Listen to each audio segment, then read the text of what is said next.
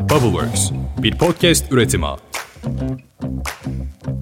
Efendim selamlar. Bugünkü programda sunucunuz yine benim. Podcast Pandora'nın kutusuna hoş geldiniz. Şimdi dostlarım hayat oldukça karmaşık ve gittikçe de zorlaşıyormuş gibi bir hissiyat içerisindeyim ben. Özellikle de toplumsal anlamda daimi olarak artan bir mutsuzluk içerisindeyiz maalesef. 2012'deki mutluluk endeksinde 137 ülke içinde 77. sıradayken 2023'te maalesef 106. sıraya gerilemişiz. E tabi politik atmosferin gerginliği, ekonomik kriz ve gelecek kaygısı tabii ki bu mutluluk endeksinin sebeplerinin büyük bir kısmını oluşturuyor. Bunlar büyük toplumsal olaylar olmasına rağmen bir şekilde adapte olabiliyoruz. Yani toplum aynı olaya her gün aynı tepkiyi vermemeye başlıyor bir noktada. Mesela hayat pahalılığına tepki vermemeye başlıyoruz hoşumuza gitmese de. Fakat bireysel olarak baktığımızda bu gibi büyük olayların her bir bireyin üzerindeki primer ve sekonder etkisi daha büyük olabiliyor. Çünkü toplum daha saat gibi işleyen çok parçalı ve tek düze çalışan bir mekanizmayken birey olarak dışarıdan gelen girdilere karşı sağlam ya da sarsılmaz kalmak daha zor olabiliyor. Yani neyi tarif ediyorum esasında burada? Psikolojik resilience denen Türkçe'ye psikolojik kararlılık ya da dayanıklılık olarak çevirebileceğimiz olgudan bahsediyorum. Size bunları niçin anlattım? Çünkü arkadaşlar Pandora'nın kutusunun önümüzdeki 4 bölümünde Akçansa'nın yol arkadaşlığıyla kulaklarınızda olacağım. O yüzden de kurumsal hayatta çalışan profesyoneller başta olmak üzere bu alanda uzmanlaşmak isteyenleri ve aslında hayatında nasıl bir denge oturtabileceğini keşfetmeye önem verenleri mutlu edecek bir içerik havuzumuz olacak. Peki nedir bunlar? Öncelikle bu bölümde psikolojik dayanıklılık yani resilience olgusundan bahsedeceğiz. Bir sonraki bölümlerimizde de beden sağlığını, iş ve özel hayat dengesini ve son olarak da çalışma modellerinin geleceğini konuşuyor olacağız. Evet sevgili dostlarım hazırsanız arkanıza yaslanınız, yakalarınızı katlayınız. Akçansa işbirliği ile Pandora'nın kutusu başlıyor. Fly me to the moon, let me play among the stars. Psikolojik resilience ya da psikolojik dayanıklılık ya da duygusal kararlılık üçü de aynı şeyi ifade ediyor arkadaşlar. O yüzden yani bölümün devamında bu üçünden birini duyduğunuz zaman aynı şeyden bahsettiğimi bilmenizi istiyorum. Şimdi burada bir başa saralım ve hikayeleştirelim. Bir sabah uyandık. Sıradan bir gündeyiz. Kendimizi sıradan hissediyoruz. Yani sıradan derken normal işte yani ekstra herhangi bir şey yok işe koyulmaya başlıyoruz. Artık işimiz her ne ise ve bir olay vuku bularak bizde bir duygu tepkisine yol açıyor. İyi ya da kötü fark etmez. Ve biz gelen uyaranın bizde uyandırdığı duygunun etkisi altına giriyoruz. Ve bu duygu bizi bir şeylere yönlendirmeye başlıyor. İşte psikolojik resilience'ın devreye girdiği nokta bu. Bazı insanlar dış uyaranların oluşturduğu duygulardan çok çabuk silkelenip çıkarken bazı insanlar bu duygunun etkisinden kurtulmakta güçlük yaşayabiliyorlar. Duyguların oluşumu daha refleksif, daha kontrol dışı, daha kendiliğindenken istikrarı yani resilience'ı sağlayan beyin fonksiyonlarının devreye girmesi daha bilişseldir. Yani çaba gerektirir. Kendiliğinden gerçekleşmez. Ve fakat rahatlıkla şunu söyleyebiliyoruz ki bahsi geçen psikolojik dayanıklılık doğal bir yetenek olmaktan ziyade üzerine çalıştırılıp geliştirilen bir kas. Peki o zaman ikinci sorumuz şu. Duygusal kararlılığımızı etkileyen bilişsel faktörler neler? Pratik etmesi kolay olandan zora doğru ilerleyelim. Pratikte ilk aşama istikrarı bozulan duygu durumunu fark edebilmektir. Yani siz kararlı haldeyken gelen bir dış uyarı duygu durumunuzdaki kararlılığı bozar ve sizi yeni bir duygu durumuna sokar. Ya da daha basit ifade etmek gerekirse terazi dengedeyken kefelerden birine yeni bir yük konduğunda denge bozulur. Bunu fark edebiliyor muyuz ya da ne kadar hızlı fark edebiliyoruz? Bakın henüz müdahale etmekten bahsetmiyorum. Yalnızca bizi etkisi altına alan yeni duyguyu fark edip bunu tanımlayabilmekten bahsediyorum. Yani az önce böyleydim, böyle bir olay oldu ve şimdi bu yoğunlukta olan şöyle bir duygu hissediyorum gibi bir bilişsel açıklama yapabilmekten bahsediyorum. Esasında zaten bu bir duygusal zeka pratiğidir. Yani temelde duygusal zekanın devreye girmesiyle ilintili bir pratik. Duyguları fark edebilme, tanımlayabilme ve regüle edebilme becerilerini duygusal zeka başlığı altında tanımlıyoruz. Kaldı ki duyguyu tanımlayabilme becerimizi geliştirdiğimizde yeni bir beceri daha katmış oluyoruz kendimize. Çok önemli bir beceri bu. Anlık olarak duygudan çıkabilmeye başlıyoruz. Çünkü duyguyu daha iyi tanımlayabilmek için zihin duyguya dışarıdan bakma ihtiyacı hissediyor ve başlangıçta kısa bir süreliğine de olsa duygudan uzaklaşıp ona dışarıdan bakabilmeye başlıyor. Ve tabii ki bu pratikte ilerledikçe, duygusal zekamız geliştikçe başlangıçta olan o kısa sekanslar gittikçe uzamaya başlıyor ve istediğimiz kadar uzatabiliyoruz onu. İstediğimiz kadar duygunun dışına çıkabiliyor oluyoruz ve hatta o duyguyu pauslayabiliyoruz. Rezilyans kuvvetimizi etkileyen ikinci faktör problem çözme becerisi. Buna stres yönetimini de dahil ediyorum. Kararlılığımızı bozan her ne ise onu çözümleyebilirsek üstümüzdeki tesirini de azaltmış oluyoruz. Fakat bunun için sorun yaratan durumu iyi tanımlayabilmemiz gerekiyor. Çünkü problemleri çözme aşaması üzerine düşünüp tasarlamamız gereken bir süreç. İçgüdülerin de çözüme ulaştırabildiği gibi bir kanı var fakat ben buna pek katılmıyorum. Evet problem çözme becerisini içgüdüselleştirmek olabilir. Fakat yani tamamen içgüdüsel olarak problem çözmek çok katıldığım bir şey değil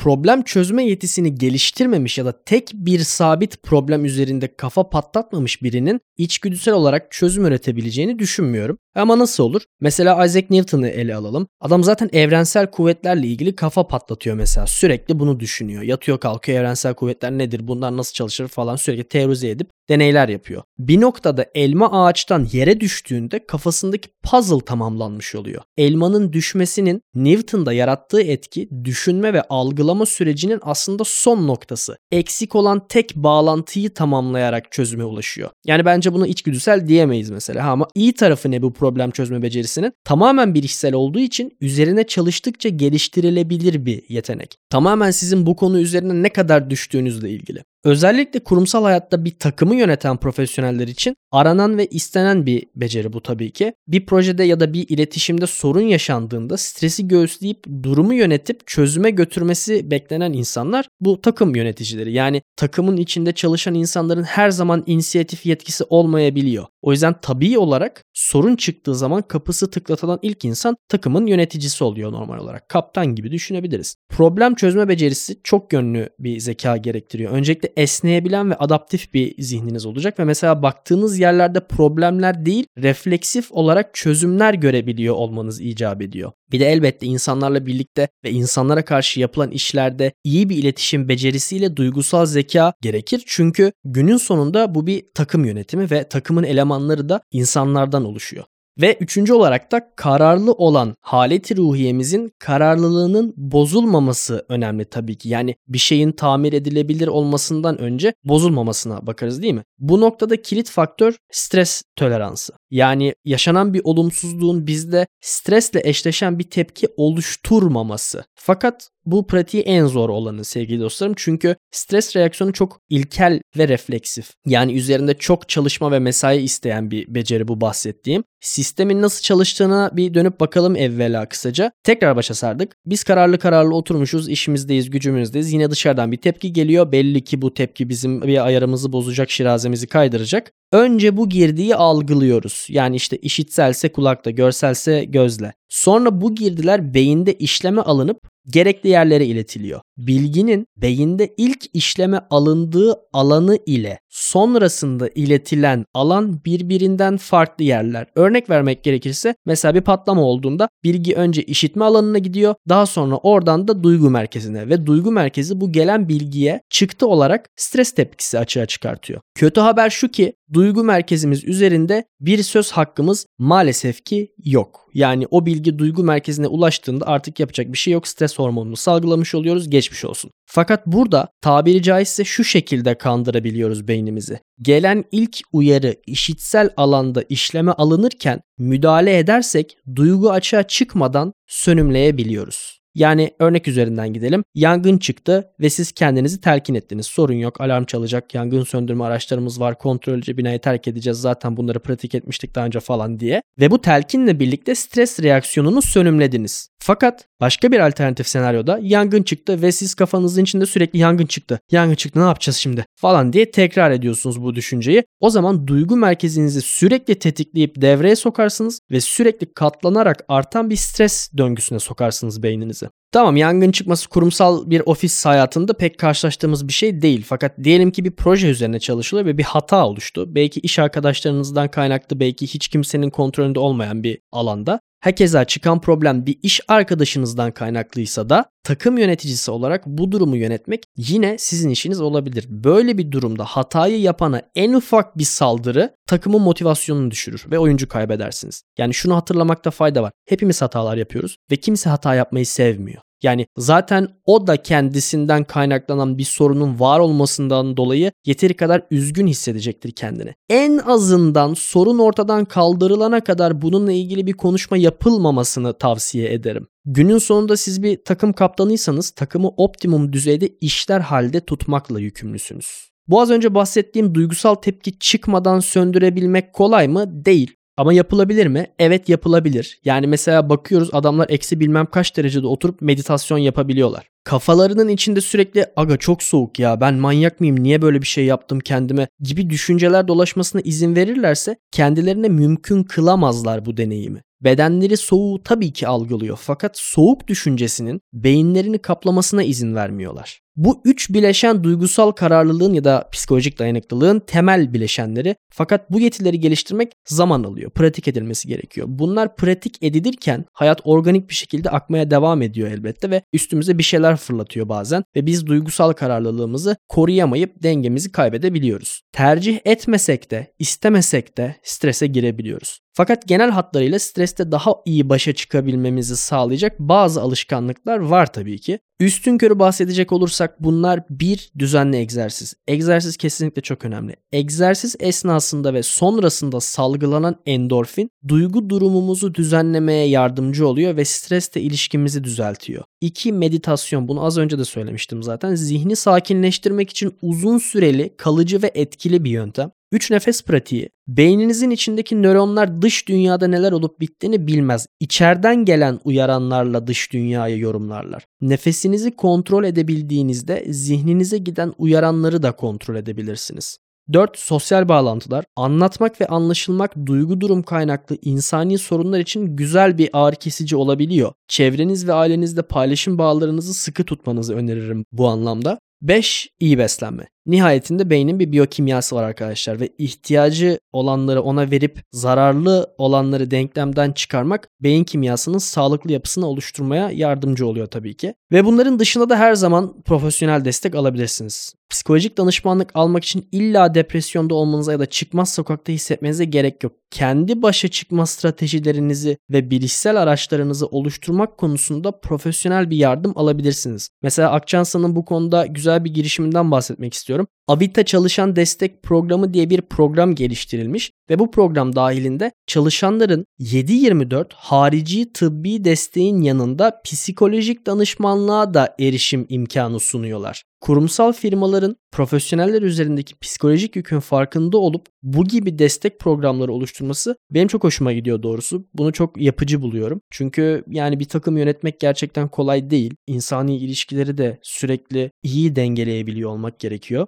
Öte yandan yetişkin bireyler olarak uyanık olan hayatımızın büyük bir bölümünü çalışarak geçirdiğimizi varsayarsak bu şimdiye kadar bahsi geçen stres uyaranlarının çok büyük bir bölümü de iş hayatı kaynaklı. Ve iş hayatında göstermemiz beklenen bir performans da mevcut tabi. Bu sebepten belki de en çok iş hayatında ihtiyaç duyuyoruz zaten bu duygusal kararlılığa. Fakat şunu da söylemek lazım ki çoğu zaman bizi motive eden şey iş hayatının kendisi değil, özel hayatımızdaki figürler ve duygular. Yani mesela evlenmek motivasyonunuz vardır, işe sarılırsınız. Bunun için kendinize hedefler koyarsınız. Kendi işinizi yapmak istiyorsunuzdur ama şu an çalıştığınız işte öğrenmek istedikleriniz vardır. Çocuğunuzu daha iyi bir okula göndermek istiyorsunuzdur. Daha iyi bir araba ya da ev istiyorsunuzdur falan filan bir sürü şey sayabiliriz. Özel hayatımız ne kadar iş hayatımıza bağlıysa iş hayatımız da bir o kadar özel hayatımıza bağlıdır. Yani işini iyi yapamayan birisi evinde de mutlu olamazken özel hayatında mutsuz olan biri de aynı şekilde iş yerinde beklenen performansı gösteremez. Burada kurulması gereken önemli bir denge var. İlerleyen bölümlerde bundan daha detaylı bahsedeceğiz. Biri ötekini beslemeyi bıraktığında denklemdeki döngü bozuluyor. İnsan ilişkilerin dinamiklerini en başından anlatmayacağım. Fakat temelde dayanışmanın var olduğu bir düzlem. O yüzden de çevremizdeki insanlardan destek almak hayatımızdaki olayları ve durumları yönetebilmek için kritik bir faktör. Ve tabii ki duygusal derinliği olmayan fakat daha sıkı dayanışmaya dayalı olan ilişkilerin hüküm sürdüğü çalışma ortamında da durum farklı değil. Çünkü ne diyoruz biliyorsunuz insan sosyal bir canlı ve hangi konsepte olursa olsun belirli kısıtlamalar altında bile olsa sosyal bir dayanışmaya ihtiyaç duyuyoruz. Ham madde insan ve insanın insani ihtiyaçları belli esasen. Yani insanı hangi çevreye koyarsanız koyun oraya adapte olabilecek bir kapasiteye ve işletme prensibine sahip. Kurumsal iş hayatını ele aldığımızda mesela insan organizmasının stres yönetimi ve duygusal kararlılığı için iyi oluşunu ve mental sağlığını destekleyen bir çalışma ortamı oluşturabilmek adına yapılabilecek bazı şeyler tabii ki mevcut. Bunlardan ilki açık iletişim ve destekleyici yaklaşım. Nihayetinde dediğimiz gibi insanlar arası ilişki insan organizmasını iyi ya da kötü yönde en çok etkileyen faktörlerden birisi. Bahsi geçen açık iletişim ve şeffaflık kurum içi kültüre yerleştirildiğinde elbette ki daha verimli çalışacaktır. Ve fakat böyle bir yaklaşım bireysel de bir motivasyon gerektirir. O yüzden açık iletişimin aslında birey bazında işleri ne kadar kolaylaştırabileceğini anlatan seminerler vermek Evet arkadaşlar bundan sonra açık iletişim kuruyoruz. Hadi bakalım deyip insanlardan direkt buna adapte olmasını beklemekten tabii ki daha verimli ve organik olacaktır. Bireylerin böyle bir yaklaşımdan nasıl kazançlar elde edeceğini görüp tecrübe edebilmeleri lazım ki bu motivasyonları kendi içlerinde geliştirsinler. Ve bir ikincisi de az önce de bahsi geçen kurum içi eğitim ve farkındalık programları. Mesela kişisel iyi oluşla ilintili eğitimleri ele aldığımızda bireyin böyle bir programa müferit olarak katılmasıyla iş ortamında iş arkadaşlarıyla beraber katılması arasında fark olacaktır. Zira topluluğu etkisi altına alan bir yaklaşım birey bazında da daha etkili sonuçlar doğurur. Yani bunu şeye benzetebiliriz. Kimse bakmazken sigara içip fast food yiyorsunuzdur ama sağlığına dikkat eden insanların arasındayken ulan ben de hadi bugün daha sağlıklı bir şeyler yiyeyim daha az sigara içeyim dersiniz. Akçansa'nın 2021 yılında başlayan bu konuya ilişkin bir girişimi daha olmuş. İşin Geleceği programı kapsamında bütünsel sağlık temalı şirket içi aktiviteler gerçekleştiriyorlar. Dediğim gibi böyle bir organizasyona günümüzün çoğunu birlikte geçirdiğimiz insanlarla beraber katılım gösterdiğimizde bünyede tesiri daha kuvvetli oluyor. Bunu destekliyorum. Üçüncüsü tabii ki çalışma ortamının fiziksel yapısı. Yani işte mesela bazı şirketler kaydırak koyuyor, kanepe var, açık mutfak var falan istediğini pişirebiliyorsun. Yurt dışındaki ülke şartlarıyla elbette ki Türkiye'deki şartlar farklı. Bunu kabul ediyorum. Ben de iş yerinizden yarın gidin kaydırak yaptırmasını isteyin demiyorum. Fakat insanların içinde bulunmaktan keyif aldıkları ortamlar oluşturmak bu anlamda önemli. Benim önerim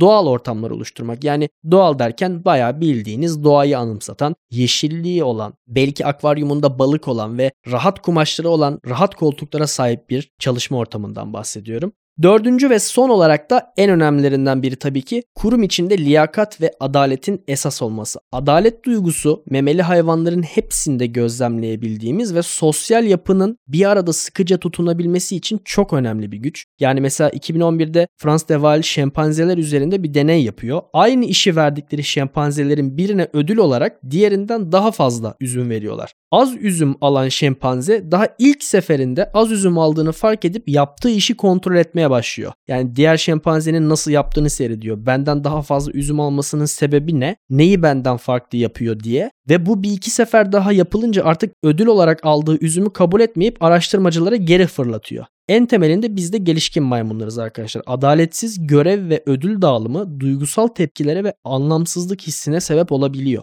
Bu da takdir edersiniz ki motivasyonla birlikte duygusal stabilizasyonu olumsuz yönde etkileyen bir faktör. Ya aslına bakarsanız bu bahsettiklerimizin hepsi tabii ki insan organizmasının işletim sisteminin çalışma prensipleriyle ilgili. Yani tarihsel süreci daraltıp yeniden baktığımızda 100 bin yıl önceki insanla bugünün insanı arasında fizyolojik olarak hiçbir fark olmamasına karşın vizyon ve misyon kıyaslaması yapmaya gerek bile duymuyorum. Ötekinin tek gayesi hayatta kalmakken biz şimdi elimizden gelenin en kötüsünü yapsak bile ihtiyaçlarımızı gideremedik diye fizyolojik sebeplerden ölmenin pek de mümkün olmadığı bir düzende yaşıyoruz hayatımızı. Hayatlarımızdaki stres unsurları çok farklılık gösteriyor ama bu farklılığı gösterse de beynimizin ve bedenimizin stres girdisine verdiği yanıt aynı. Yani onların gözünden baktığımızda aç değiliz. Hayatımızı bir vahşi hayvanın elinde yitirmemiz olası değil. O zaman strese girecek bir şey de yok diye düşünebilirler. Ama öyle olmuyor gördüğünüz ve hissettiğiniz gibi. Hayatla kurduğumuz ilişki kompleks bir hale geldikçe stres unsuru da kompleksleşiyor.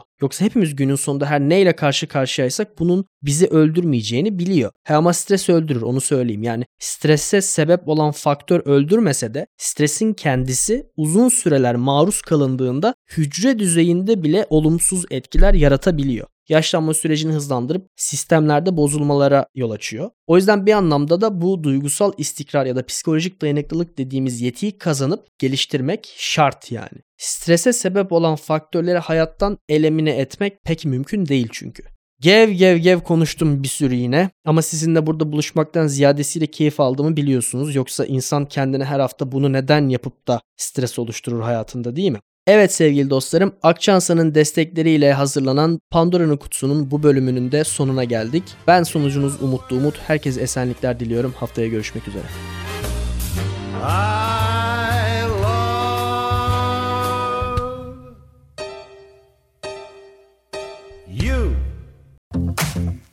Bubbleworks bir podcast üretimi.